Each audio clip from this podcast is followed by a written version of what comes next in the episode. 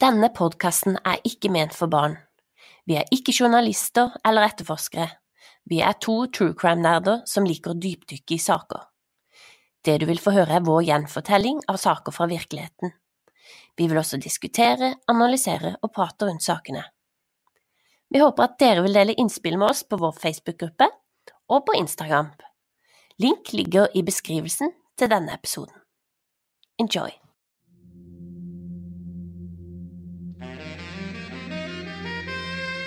Den 2. desember 2010 blir ei 24 år gammel kvinne funnet død i bunnen av en søppelsjakt i en kjeller i en luksusblokk. Politiet konkluderer med selvmord. Rettslegen erklærte det som en ulykke, og kvinnens foreldre, venner og familie mener hun ble drept. Hva skjedde med Phoebe Hanchuk?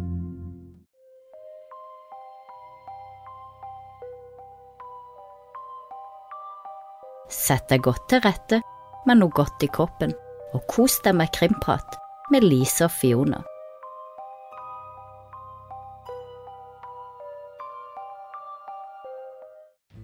Velkommen tilbake til Krimprat med Lise og Fiona.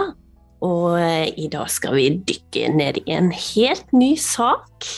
Men aller først, Lise, hva har du i koppen, og hvordan har uka di vært? Jo, hei. Uh, uka har vært uh, fin, den. Litt vimsete. Uh, sølt både ketsjup og kaffe ja, all over the place. På alle gulv. og i dag så har jeg bevis, bevis ligger på Instagram. Ja, på Instagram så har jeg lagt ut noen bilder av det fåretrufne, og ketsjupen så ut som verste crime scene. Det, det var altså bare ketsjup og ikke, ikke andre uhell som skjedde, for å si det sånn. Ja.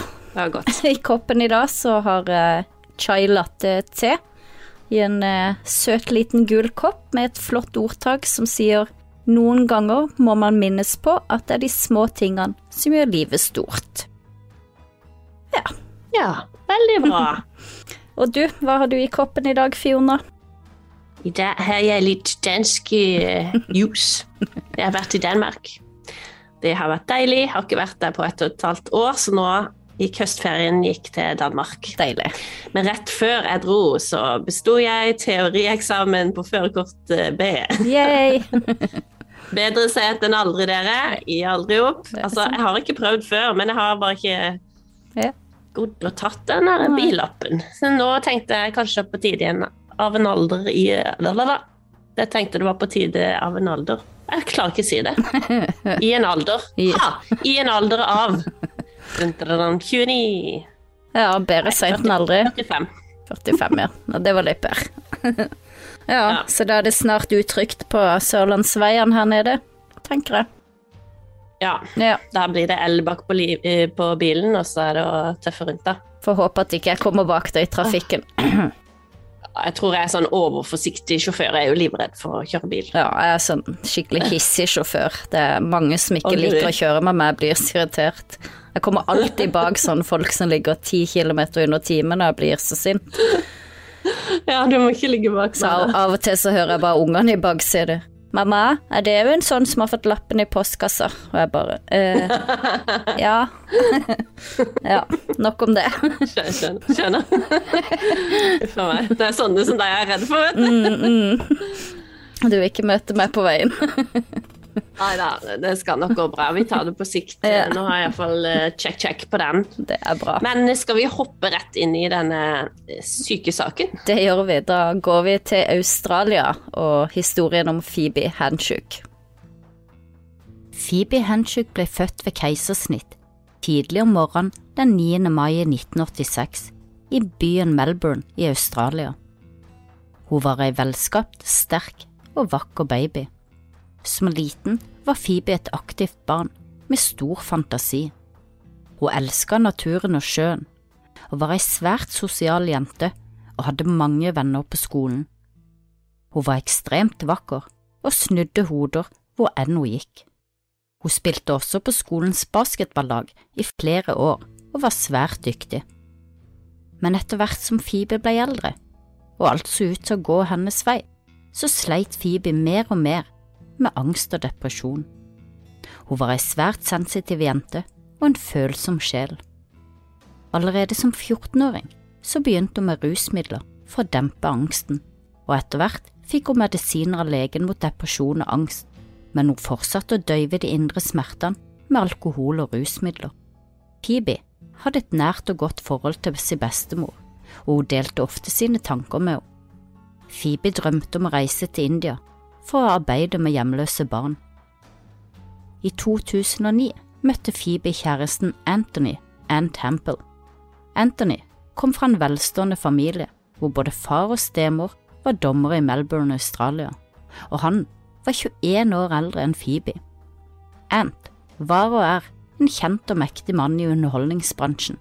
Ant driver et eventbyrå og har ifølge sin egen hjemmeside samarbeider med alt fra store kjendiser til store globale selskaper som Marvel, Disney og Adidas.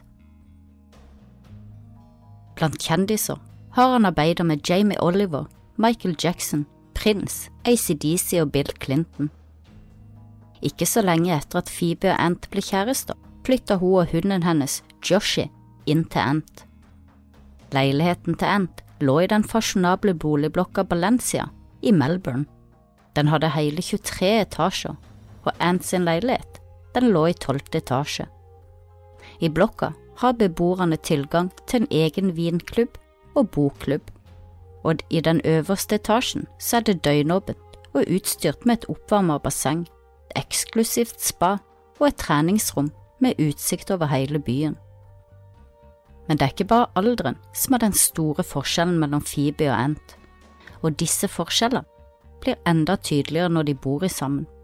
Mens Ant stadig er på kjendisfester, luksuriøse reiser, spiser gourmetmiddag og tilbringer nettene på eksklusive nattklubber, så foretrekker Phoebe, som lider av sosial angst, å tilbringe kveldene hjemme. Hun foretrekker å male og skrive dikt, og tilbringe tida med nære venner og familie og disse forskjellene førte tidvis til et turbulent forhold imellom Ant og Phoebe. I tida opp mot 2. desember 2010 var Phoebe oftere og oftere borte fra sin deltidsjobb som resepsjonist. Hun drakk oftere alkohol i store mengder for døyve angsten og depresjonen, som ikke ville slippe taket. Hun og Ant hadde gjort det slutt flere ganger de siste ukene, men de ble alltid sammen igjen og Phoebe flytta tilbake til Ant. Om morgenen 1. desember 2010 mottar Phoebes familie, Ant, og hos sine nærmeste venner en merkelig tekstmelding fra mobilen til Phoebe. Hun skriver følgende. Hei, familie. Jeg ligger i senga og skal til å sove, og når jeg våkner igjen, så vil jeg forvandle meg til det mest fantastiske mennesket du noen gang har sett. Not. Jeg skal gå til sykehuset, det er tryggere der, og jeg har hørt at kveldens spesialitet er tomatsuppe. Deilig, næringsrikt. Jeg elsker dere alle veldig mye, men ikke nok til å sende dere melding enkeltvis. Beklager det, men tid er søvn, og jeg må komme meg av gårde. Lystig, lystig, lystig. Livet er bare en drøm.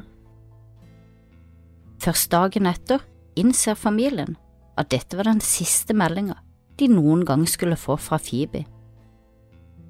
Det er seint om ettermiddagen 2. desember 2010, når blokkas resepsjonist Betul Osulup går ned i kjelleren for å hente en feiekost. Hun prøver å gå inn i kjellerens søppelrom, men oppdager at noe blokkerer døra. Hun legger kroppsvekta mot døra og får åpna den litt på gløtt.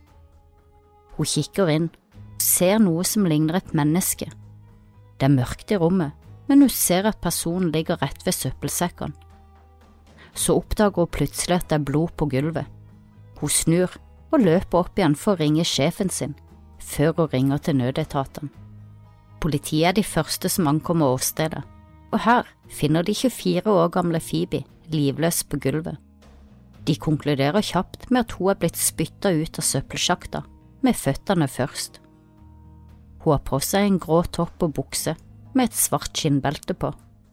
Hun ligger med ansiktet opp og buksa er dratt ned på knærne. Hun er barbeint, og den høyre foten er fullstendig knust. I bunnen av søppelsjakta er det et roterende blad, og det antas at Phoebe sin fot ble knust av dette bladet. En av søppeldunkene lå velta, trolig etter at Phoebe traff den da hun kom ut av søppelsjakta. Det var også slepespor av blod på gulvet og et blodig håndavtrykk på innsiden av døra. Sporene tyder på at Phoebe ennå var i live da hun kom ut av søppelsjakta, og at hun hadde forsøkt å slepe seg til utganger i mørket, før hun omsider døde, da hun blødde i hjel. Men det politiet ikke gjør når de ankommer åstedet, er å sjekke om Phoebe ennå har puls, eller om kroppen er kald eller varm. I stedet setter de opp et sperrebånd rundt åstedet, sånn at ingen skal komme inn før de har sikret seg tekniske spor. Men enda verre er det da ambulansen ankommer stedet 18 minutter etter politiet, så nekter politiet de å komme inn bak sperrebåndet for å sjekke pulsen til Phoebe. Og på det tidspunktet så vet ikke politiet om Phoebe har ligget der i flere timer eller bare noen minutter, og ingen vet om Phoebes liv kunne ha vært redda. Samtidig som politiet står i kjelleren med en død Phoebe, så mottar kjæresten hos sin Ant i tolvte etasje takeaway på døra. Ant forteller at det var leveringsbudet som hadde fortalt ham om alle politibilene utenfor blokka. Ant hadde deretter tatt heisen ned i kjelleren, hvor han gikk rett på alle politifolkene. En av de forteller Ant at de har funnet en død kvinne i søppelrommet. Da utbryter Ant, herregud, jeg håper ikke det er kjæresten min, hun er meldt savnet. Ant beskriver Phoebe til politiet. Hårfarge, tatovering på mage og armen, og han viser frem bilder av henne. Og politiet kan bekrefte at det er kjæresten hans Phoebe som er funnet død i søppelrommet. Samme kveld oppsøker politiet Ant. De vil undersøke leiligheten og høre hva Ant vet. Ant sier at da han kom hjem kvelden før, så var leiligheten tom. Han husker ikke om døra var låst eller ikke. På senga hadde han funnet et slags alter omringet av tente lys, og på alteret var et bilde av han og Phoebe, og flere lapper med vas på, fyllevas. Så sier Ant at han reagerte på at selv om Phoebe var borte, så var rettetanga påslått og veska sto på bordet, og på kjøkkenet sto et glass som det lukta vodka av. Politiet undersøker leiligheten, og de finner glassbiter og blodflekker på gulvet. Og på PC-en så oppdager de at alle e-postene i Fibes sendboks har blitt sletta, og det er blod på musa, musematta og tastaturet. Politiet sjekker også søppelluken utenfor leiligheten til der Phoebe skal forsvunnet ned i døden. De finner ikke ett eneste fingeravtrykk på luken, heller ikke Phoebe sine. Luka er ca. én meter opp fra gulvet og er 37 centimeter brei. Men det er også mye politiet ikke sikrer seg av bevis fra stedet. Overvåkningsvideoen fra de 14 kameraene som er i blokka, ble ikke sikret av politiet, og da de endelig kom på at det kunne være en god idé å sjekke ut, så er opptakene fra den aktuelle dagen automatisk sletta. Det eneste opptaket som eksisterer, er fra dagen hun døde. Klokka er 11.48 på formiddagen, da alle beboerne måtte evakuere på grunn av en brannalarm som viste seg å være falsk. På filmen kan man se at Phoebe og hunden Joshi forlater blokka, og det er det siste livstegnet, før hun senere ble funnet død i kjelleren. Politiet finner en laptop i leiligheten som ble brukt av både Ant og Phoebe, men den lar de bli igjen. Politiet tar med seg Phoebes telefon, men bare dager senere så leverer de den tilbake til Ant. Men litt senere så innser de at det var litt dumt, så de ber Ant om å få Phoebes telefon tilbake igjen, men da sier Ant at telefonen er borte. I sine samtaler med politiet ga en tydelig uttrykk for at Phoebe var mentalt ustabil, veldig deprimert og suicidal. I tillegg så hevder han at hun hadde rust seg på ecstasy bare dager før hun ble funnet død, i tillegg til at hun inntok store mengder alkohol. Fem dager etter at Phoebe ble funnet død i bunnen av søppelsjakta, tar politiet kontakt med Phoebes foreldre. De informerer de sørgende foreldrene om at det ikke kommer til å etterforske dødsfallet videre, og at de har konkludert med at Phoebe tok sitt eget liv. Foreldrene sitter sjokkert tilbake, helt sikre på at Phoebe ikke har tatt sitt eget liv, og at hun umulig kan ha gjort det ved å klatre inn i en trang luke uten å etterlate seg spor. Phoebes bestefar, som selv er pensjonert etterforsker i politiet, nekter å akseptere at Phoebe har tatt sitt eget liv på denne måten. Bestefaren har selv utført tester på hvor lett eller vanskelig det er å komme seg inn i en sånn luke på egen hånd. Forsøket viste seg å være svært vanskelig og krevende å få til, og personen som utførte det, var helt edru. Phoebe derimot ble funnet med 1,6 i promille og spor etter Stilnox, Duloxetin, kinin som finnes i gin og tonic, og dextrometrofan, som er et hostedempende middel. I et annet forsøk får bestefaren en mann til å løfte en kvinne i samme høyde og vekt som Phoebe, og putte henne inn i luken mens hun later som hun er bevisstløs. Dette gjør mannen enkelt og uten problemer. Familien nekter å godta politiets konklusjon, og en høring blir ledet av en embetsmann, Peter White. Vedkommende, som er utdannet jurist, men som ikke trenger rettsmedisinsk utdannelse, skal sammen med egne rådgivere på vegne av staten finne dødsårsaken og utrede denne. Hvis embetsmannen konkluderer med at dødsfallet kan skyldes en straffbehandling, blir saken sendt videre til politiet for videre etterforskning. Under høringen innkalles vitner, og da det kommer frem at laptopen aldri ble undersøkt og at Fibis e-poster var sletta, så befaler embetsmannen at laptopen ble innhenta. Dette er fire måneder etter Phoebes død, og han krever også at harddisken ble gjennomsøkt. Men dagen etter gjør embetsmannen helomvending. Han trekker tilbake kravet sitt om å gjennomsøke harddisken, og han begrunner det med at det vil være snoking i Ant sitt privatliv, siden han også brukte denne laptopen. To måneder etter at høringen starter, kommer embetsmann Peter White med sin konklusjon. Den er på hele 89 sider. Hibis familie, som var overbevist om at de nå endelig skulle få datterets dødsfall etterforska, ble nå lamslått av sjokk. For embetsmannen, han konkluderer med at Phoebe døde etter å selv å ha klatra inn i luka, enten etter å ha gått i søvne eller i våken, men svært berusa tilstand. Denne konklusjonen var også imot en av embetsmannens rådgivere, Deborah, som hadde råda han til å erklære dødsfallet som usikker, sånn at politiet kunne etterforske saken på nytt. Familien forsøker å anke avgjørelsen, men det er svært sjelden at en slik anke når igjennom. Ant har aldri vært sikta og er av politiet sjekka ut av saken, og han har fortsatt livet som før. Og kanskje har Ant en uheldig tiltrekningskraft for bare åtte år etter Fibes død, i 2018, i en alder av 51 år, begynner Ant å date den 25 år gamle tannlegeassistenten Bailey Schneider. Også dette forholdet er turbulent, og paret ender opp med å gjøre det slutt.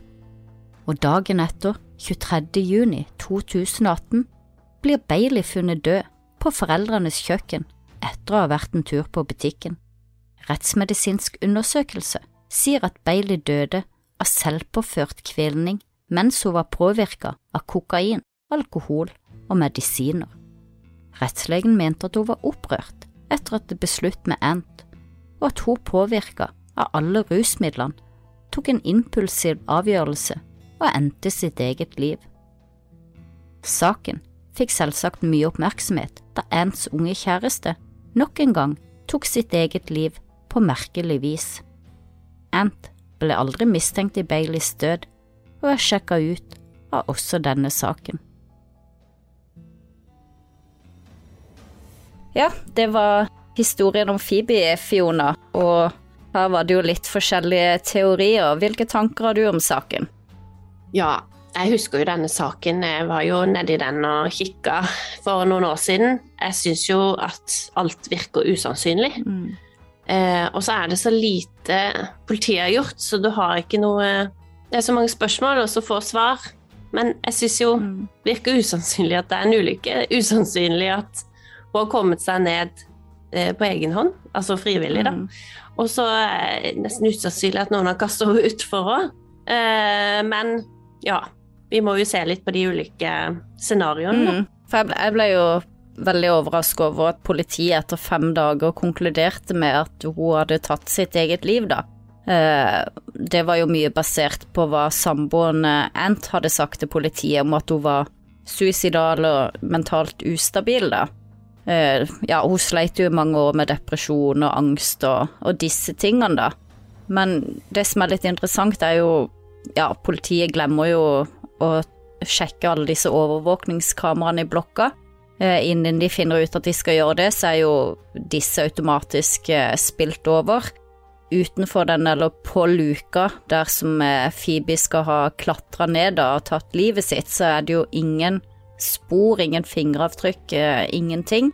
Inne i leiligheten ble det funnet knust glass, det ble funnet blod på mus og musematt og tastatur, men altså ingenting Eh, på denne luka, ikke noen fingeravtrykk i det hele tatt. Eh, ja, jeg syns jo det virker litt rart, eh, hvis dette er et selvmord, da. Hva tenker du? Har du ja. Vet om det finnes Nei, kan, kan, kan, jeg få lov å hisse meg litt oppover politiet? jeg kjenner jeg blir jo forbanna når det er saker der politiet har gjort en så utrolig slett jobb. Mm. Altså, det at ikke de får tak Altså de som jobber der sier at hei, vil dere ikke ha opptakene her? De spilles over automatisk etter to dager. Og politiet går ikke og henter disse Altså der kunne du fått svaret. Hvem er det som har gått inn og ut av døra? Hvem har kommet inn i leilighetskomplekset? Hvem har gått ut? Dette vet vi jo ikke, for de tok jo aldri og samla inn opptakene. Mm. Så blir de jo spilt over, og det gjør meg så åh, frustrert. Og ofte i sånne sånne andre saker, da, så er det jo det at kameraet ikke virker. Men her virker det jo, og de bare samler det ikke inn. Mm. I tillegg så tar de ikke inn datamaskinen som blir funnet i leiligheten der Phoebe og Ant bor. Mm. Og, og, det er jo blod på tastaturet, som du sier, og det er jo eh, sletta en hel haug med mail, da. Mm. Så de har jo tydeligvis gått inn på dataen der der og da, og sett at det er sletta mye mail, men de tar det ikke inn for videre undersøkelser. Det virker jo, for, for min del, så syns jeg det virker som I og med at foreldrene til Ant eh, er dommere i byen, eh, har høy status og stilling og mye penger, og det har jo for så vidt Ant også, eh, så virker det som ja, så man rett og slett slipper billigere unna av det, da. Politiet stiller ikke de nødvendige spørsmålene etterforskninga er så som så, og alt han sier blir tatt som god fisk, da egentlig med i gang. Eh, foreldrene til Phoebe de er jo helt overbevist om at Ikko har tatt livet sitt. Eh, de mente at Ikko var suicidal selv om hun var deprimert, eh, og de mener at hun også, hvis hun hadde tatt livet sitt, ville lagt igjen et brev. Hun var jo veldig glad i å skrive og uttrykke seg på den måten. Ja, og generelt sett så er det jo veldig vanskelig å komme seg inn i denne luka, og det ble det jo gjort noen tester om, Fiona. Var det ikke bestefaren? Ja, det var jo bestefaren som var tidligere et politietterforsker. Han uh, syntes jo at det hele lukta vondt. Mm. Uh, og tok, foretok sine egne tester der han uh, To av venninnene til Phoebe stilte opp. De er ganske likt bygd og godt trent. Så Phoebe var god i karate, hun var veldig god klatrer. Og disse jentene sleit veldig med å komme seg opp i sjakta med beina først på egen hånd. Men eh, jeg så iallfall at hun ene klarte det. Men det ville vært umulig å ikke etterlate seg fingeravtrykk, da. For du bruker sjakta. Det er ingenting annet å holde deg i, så du bruker sjakta for å dra deg opp. Uh, og den er jo som sagt veldig smal og liten, og døra klappes jo igjen av seg sjøl, så det er veldig vanskelig. Den døra går ikke helt opp, gjør den det? Uh, nei, den uh, Det er jo sånn at du drar den ut, og så putter du inn en søppelpose, så går den igjen av seg sjøl. Den er ikke Ja, det er bare akkurat plass til det, på en måte. Men hun jenta her i forsøket, hun får jo plass. Men så er det jo det at Phoebe sine bukser blir jo funnet på knærne. Og på hvilket tidspunkt eh, går den buksa ned, på en måte? Uh, den kan ikke bli dratt ned hvis du går med beina først. Uh, da må hun fysisk Altså før du slipper seg ned, må hun løsne buksa og dra den ned selv, da, i, når, i sjakta. Når hun er oppe i sjakta. rett før hun slipper seg. Men ah, hendene hennes må være over hodet for at hun skal klare å komme seg gjennom. Mm, Så- det er sånn. Wow, akrobatisk eh, i rus. Påvirka tilstand. Jeg tenker bare Mm. ja, det er kanskje mulig, men det virker vanvittig usannsynlig. Ja, hun ble jo funnet med 1,6 i promille, og det er jo ganske høyt. Eh, Ja. ja, Og og til... piller òg. Mm, så hun kan jo ikke ha vært mye stødig på, på beina, da. Så det virker jo rart at hun skal ha klart å komme oppi der helt på egen hånd. Eh, Jo, men en person som eh, drikker mye, og hun hadde akkurat kommet fra en fyllekule, vil jo tåle mye mer mm, enn en person som ikke drikker så ofte. ja. Så det kan godt være at hun kan få til en god del ting eh, som Mm. klatrer og som idrettsutøver, da. Mm, Eh, men likevel så er det jo Det er vanskelig uansett hvordan du vender og snur på det. men fins det noen andre beina. Ja. Men fins det noen andre saker hvor eh, Ja, hvor noen har enten dødd i en søppelsjakt eller ja, tatt livet av seg på den måten, da? Man skulle ikke tro det, men ja, det gjør Ja. det. Ah, ja. Eh, barn har jo falt oppi altså, Ikke meningen å le med det, men altså Du kan på en måte skjønne at det er barn OK, dette ser eh, Mm. spennende ut. Eh, og så med hodet først eh, oppi en sånn sjakt. Kanskje det er noe Mm. å stå på. Eh, det var en annen eh, kvinne i New York også eh, som ble funnet på bunnen av en eh, søppelsjakt. Eh, Mm. Jeg tror også det var en annen jente som krangla med kjæresten, løp ut, kasta seg utfor sjakta, men alle med, med hodet først, da. Ja. Og de er jo likevel, disse òg er jo mistenkelige, da, men de, Mm. en, en del av det er blitt rula som selvmord eller ulykker. Eh, så ja, det, det høres ut som dette er noe som aldri skulle Mm. skjedd, men det er faktisk skjedd eh, en god del ganger når man ja. søker på det. Men det virker jo også mer naturlig, som du sier, hvis man først har bestemt seg for at der skal jeg inn, da. At man går med hodet først. Det vil jo også være enklere, vil jeg tro. Ja, bare at det er praktisk sett så er det enklere. Ja. ja. Du Ja, kan det jo liksom ta sats med beina og hoppe på en måte nedi, Mm. sånn at du får tyngdekraften vipper deg Tyngdekraften vipper deg over. Vipper deg over. Og en annen Mm. ting som er rart, altså En ting er at politiet konkluderer med dette selvmordet, da. Eh, noe som opprører foreldrene, og de er jo helt sikre på at det ikke er snakk om det.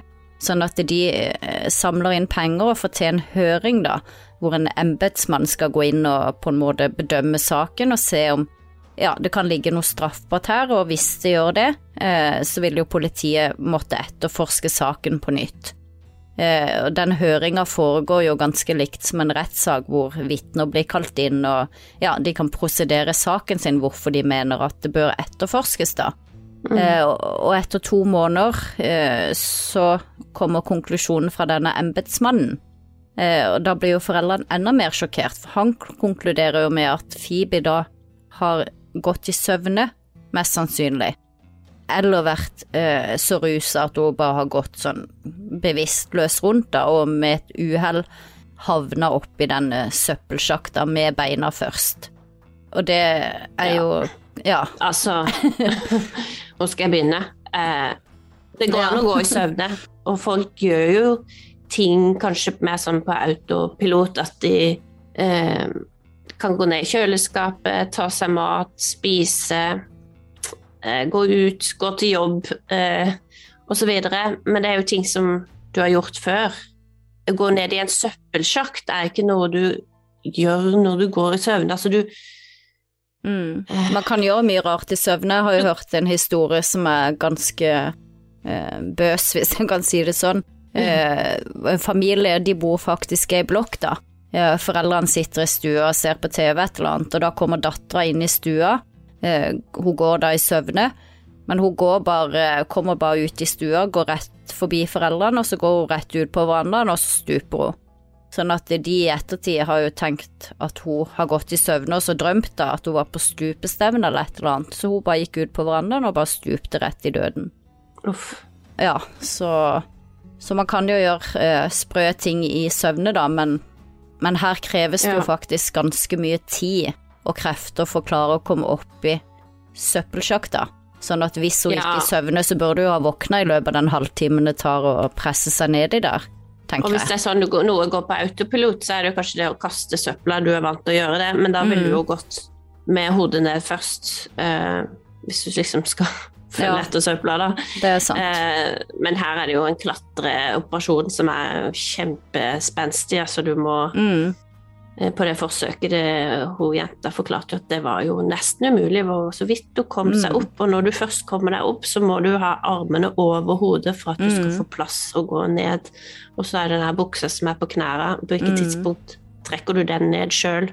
For du kan ikke klatre med begge beina, altså buksa rundt beina. Ja, det er sant. Du kan Men- jo ikke du, Nei, du kan ikke klatre med buksa på knærne, og du kan ikke få buksa ned på knærne når du renner nedover. Og det er vel ingenting som tyder på at hun har dratt de buksene ned heller etter hun kom ned i kjelleren fra søppelsjakta. For det var ikke noe Mm.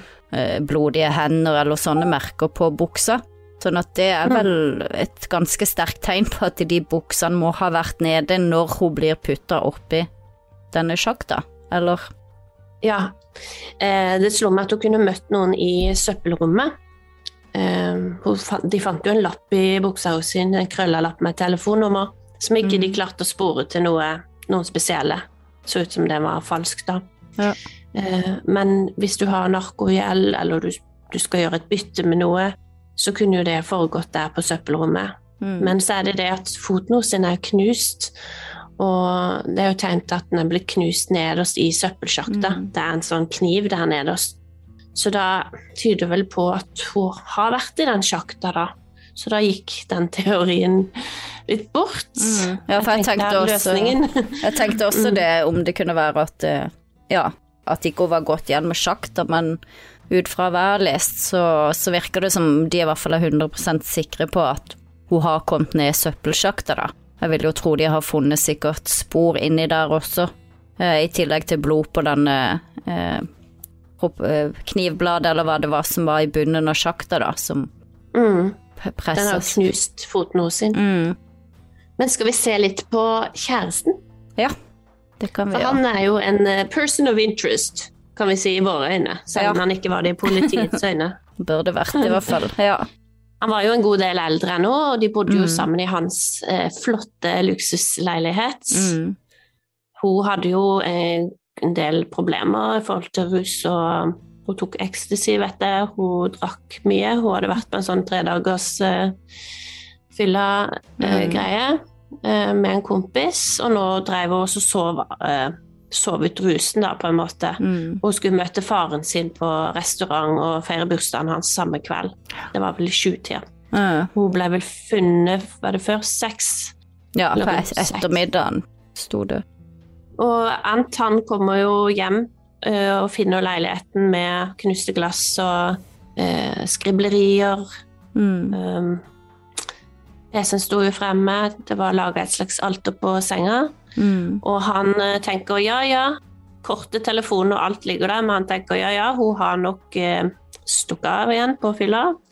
Eh, og eh, jeg bestiller meg takeaway. Mm. Fra samme restaurant, tror jeg det var, som eh, de skulle møte faren på. Mm. Så han sitter og spiser Chinese når eh, han får høre at de har funnet noen i søppelrommet. Da. Og da tenker han oi, det er nok hun.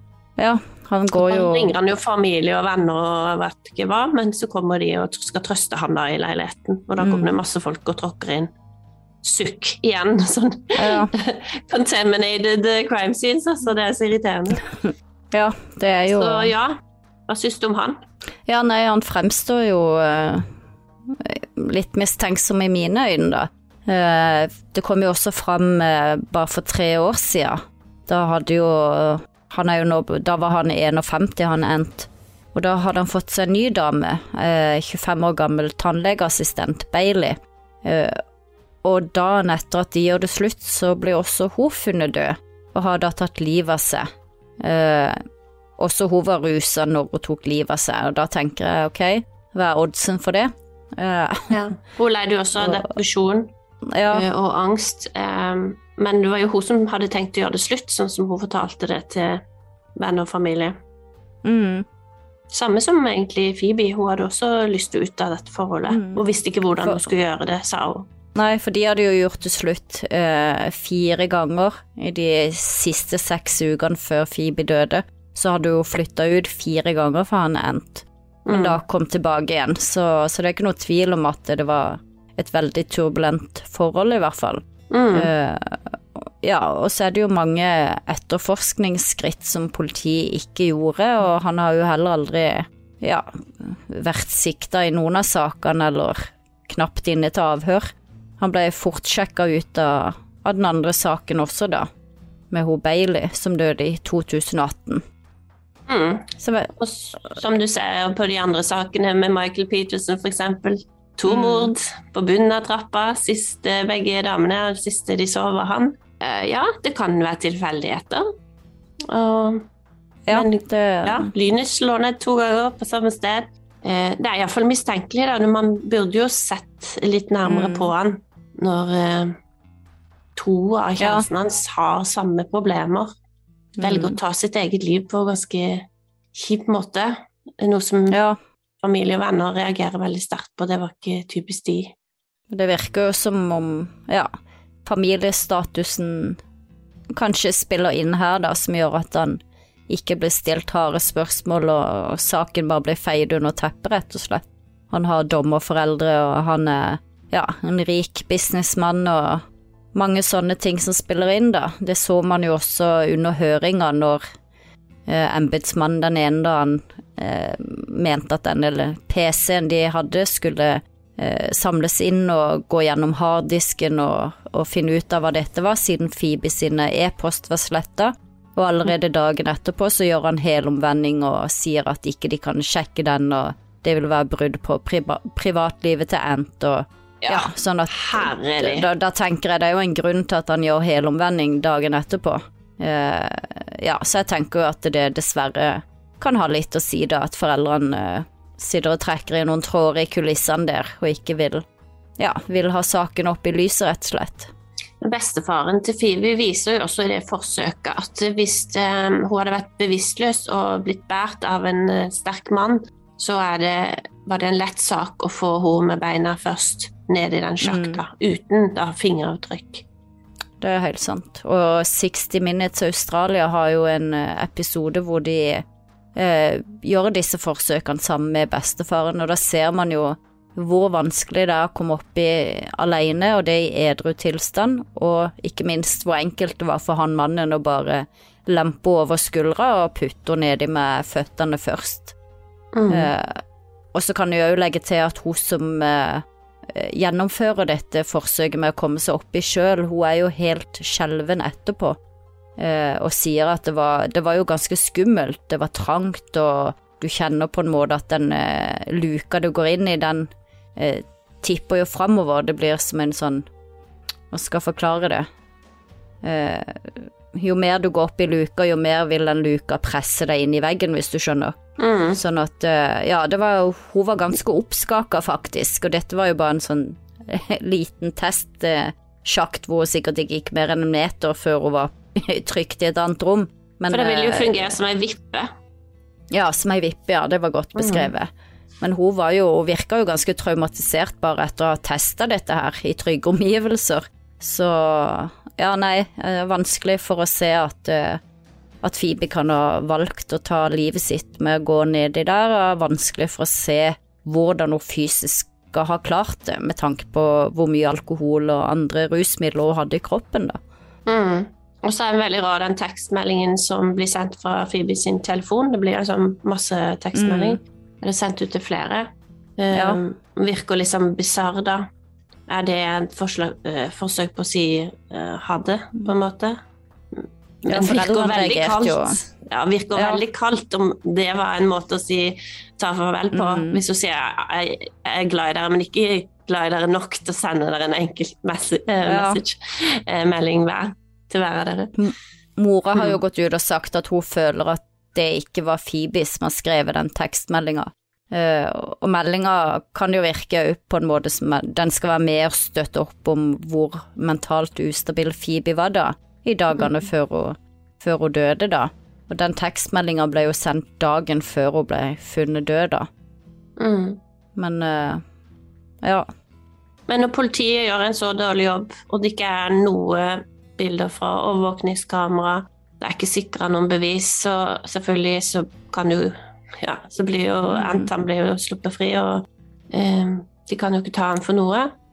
Eh, jeg føler liksom også når det gjelder rus eh, Folk har et alkoholproblem et rusproblem, så blir det ofte nedprioritert av politiet. Mm. Altså Akkurat som de ikke gidder å bruke tid på det. Det er veldig forskjell på hva, hvor politiet setter inn i klutene. da. Så du ser Mm. den Gabby Potito-saken nå, som vi har fulgt eh, en god stund. Guri mye penger de har brukt på den saken, og det er jo kjempeflott. Men så er det jo på samme sted nå, så er det jo flere som er forsvunnet, som du ikke Mm. hører noe om. Det Eh. Så de må jo velge hvor de putter ressursene. Så noen blir det. prioritert over andre. Mm. Og det er jo ofte, så, ofte sånne indigenous eh, Hva heter det på norsk? Urbefolkning, f.eks. i USA, Mm. eh, som også ikke blir prioritert i det hele tatt. Mm. Mange savner kvinner. Så det, det er jo veldig trist da når du ser at politiet eh, gir faen. Kan du si, Mm. Det har de jo gjort i denne saken her. Ja, de har jo det. Min følelse er jo at det er mer på grunn av familien hans sin, da, statusen. Mm. Godt De mulig. er det. over politiet mer enn at hun var narkoman. Dette var jo tross alt i, et, i en luksusblokk med ja, og rike folk som bodde her, så, så jeg tenker kanskje makt og penger spiller mer inn i denne saken enn en det faktum at hun hadde rusproblemer. Ja, det er nok en, en miks av de to. At det er Mm. lett for de å si at eh, ah, men hun var jo så rusa, og hun var jo Mm. Hadde så mye problemer. Så Det er vel lett å skylde på det, da. Og så sier er jo ja, det. vi er flott familie, og vi nå mm. Men jeg er i hvert fall helt enig med jeg er i hvert fall helt enig med foreldrene til Phoebe, at jeg tror jo også at noe kriminelt har skjedd, og at ja, at ikke det var selvmord. Jeg tror heller ikke det var en ulykke, eller at hun gikk i søvn og ha, klarte å havne nedi der, da. Nei, søvne, uh, den kjøper jeg iallfall ikke. Nei, Det villeste jeg det, har hørt. det er litt som ugleteorien på Michael Peterson. ja. ja, det blir litt sånn. Ah, men Ja. Ja, jeg er enig i det. Jeg tror eh, Ja, jeg synes, tror nok at de burde sett litt nærmere på, på Ent, og politiet skulle selvfølgelig gjort en bedre etterforskning i starten av saken og sikra seg bevis fra leilighet og kamera, og, og da hadde vi kanskje hatt et klarere svar i dag, da, Mm. på hva som faktisk skjedde med, med Phoebe. Men eh, jeg tror noe kriminelt har skjedd, og jeg tror ikke hun eh, gikk i det frivillig. Hva Nei. tenker du, Fiona? Nei, jeg tror vi er ganske enige om det, at politiet har gjort en veldig dårlig jobb. Eh, og jeg kan ikke se det at det ikke er fingeravtrykk. Da kan ikke jeg forstå, siden hun har kutta seg, det er blod. Hun ville etterlatt noen merker på den sjakta. Mm. Hun har gått ned fra den etasjen der. Ja, helt Mm. enig. Så da er vår konklusjon at ja, mest sannsynlig har noe kriminelt skjedd med Phoebe, og det er synd at politiet ikke klarte å gjøre en bedre etterforskning enn det de gjorde. Mm. Vi vil gjerne høre dere lyttere sin mening. Hvis dere har noe mer informasjon eller teorier, så kom gjerne med den på Facebook-gruppa vår. Mm. Og hva du tenker kan ha skjedd med Phoebe. Har du et enkeltpersonforetak eller en liten bedrift? Da er du sikkert lei av å høre meg snakke om hvor enkelt det er med kvitteringer og bilag i fiken, så vi eh, gir oss her, vi. Fordi vi liker enkelt. Fiken superenkelt regnskap.